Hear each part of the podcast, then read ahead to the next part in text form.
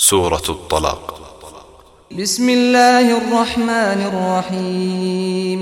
Dengan menyebut nama Allah yang maha pemurah lagi maha penyayang. يا أيها النبي إذا طلقتم النساء فطلقوهن لعدتهن وأحصوا العدة واتقوا الله ربكم لا تخرجوهن من بيوتهن ولا يخرجن إلا أن يأتين بفاحشة مبينة.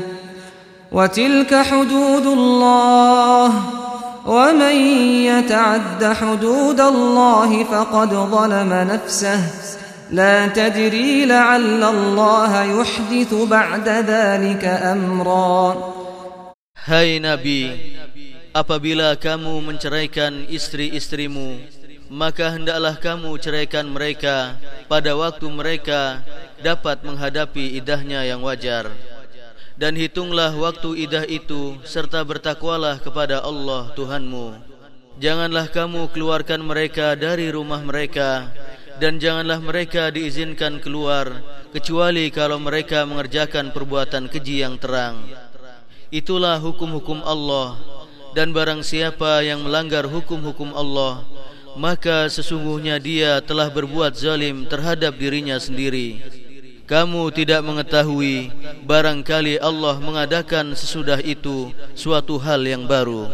فإذا بلغن أجلهن فأمسكوهن بمعروف أو فارقوهن بمعروف وأشهدوا ذوي عدل منكم وأقيموا الشهادة لله. ذلكم يوعظ به من كان يؤمن بالله واليوم الآخر. ومن يتق الله يجعل له مخرجا. Apabila mereka telah mendekati akhir idahnya maka rujukilah mereka dengan baik atau lepaskanlah mereka dengan baik dan persaksikanlah dengan dua orang saksi yang adil di antara kamu dan hendaklah kamu tegakkan kesaksian itu karena Allah. Demikianlah diberi pengajaran dengan itu orang yang beriman kepada Allah dan hari akhirat. Barang siapa yang bertakwa kepada Allah, niscaya dia akan mengadakan baginya jalan keluar.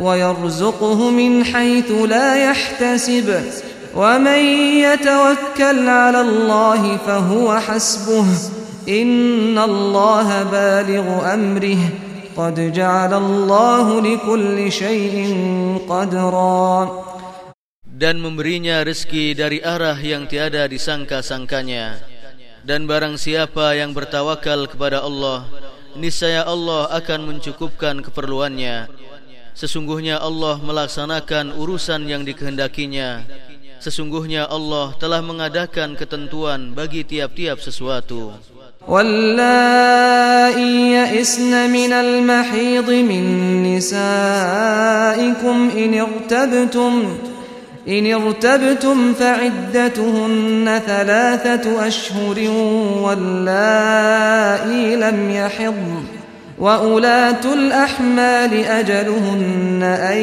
يضعن حملهن ومن يتق الله يجعل له من أمره يسرا Dan perempuan-perempuan yang tidak haid lagi di antara perempuan-perempuanmu Jika kamu ragu-ragu tentang masa idahnya Maka idah mereka adalah tiga bulan Dan begitu pula perempuan-perempuan yang tidak haid Dan perempuan-perempuan yang hamil Waktu idah mereka itu ialah sampai mereka melahirkan kandungannya.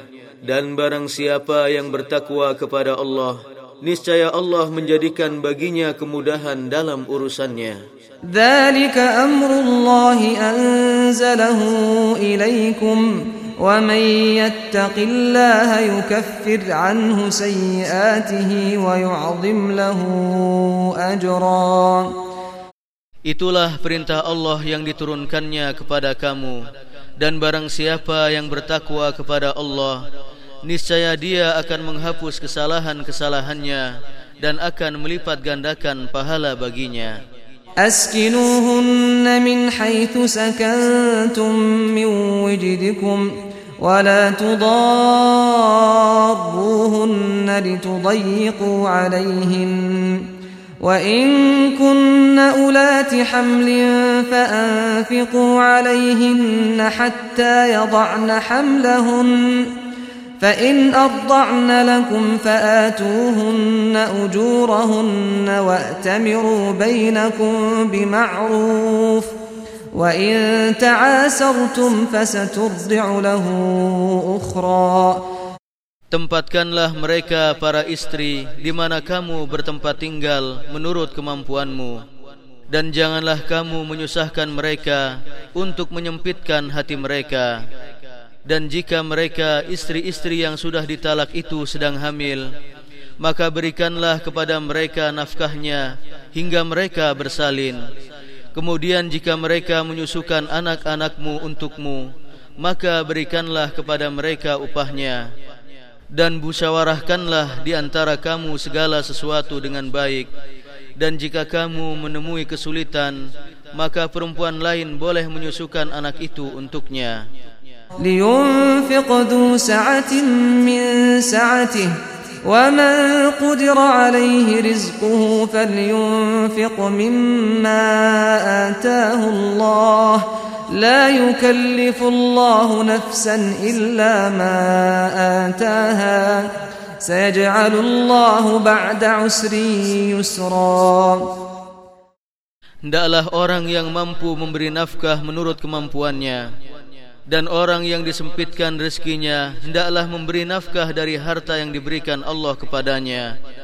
Allah tidak memikulkan beban kepada seseorang melainkan sekedar apa yang Allah berikan kepadanya.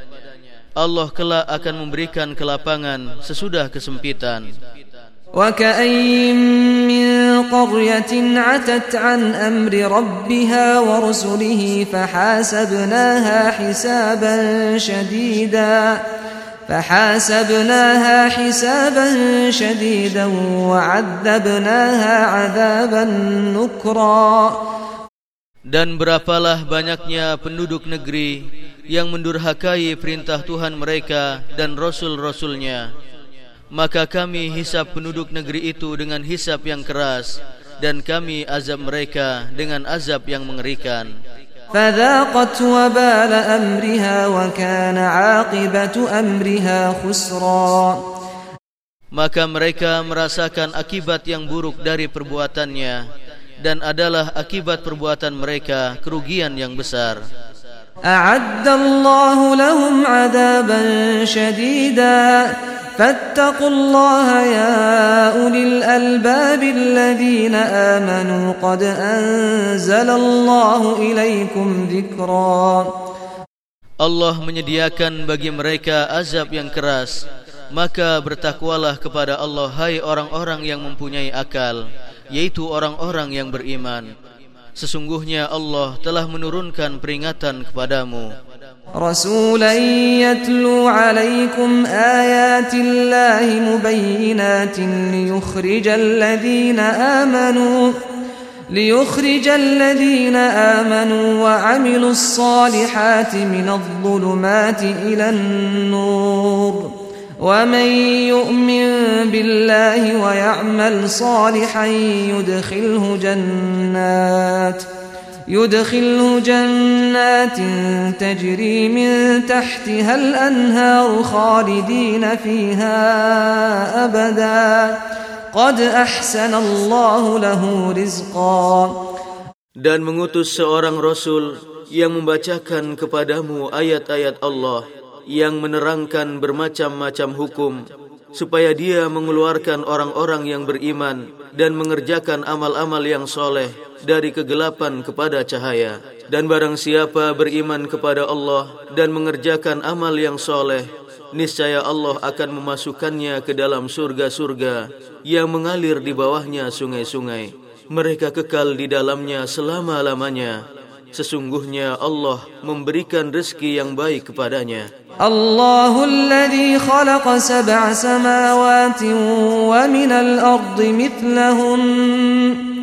يتنزل الأمر بينهن لتعلموا أن الله على كل شيء قدير.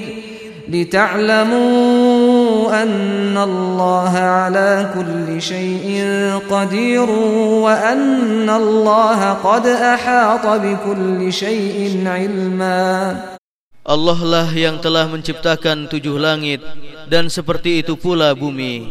Perintah Allah berlaku padanya agar kamu mengetahui bahwasanya Allah Maha Kuasa atas segala sesuatu dan sesungguhnya Allah ilmunya benar-benar meliputi segala sesuatu.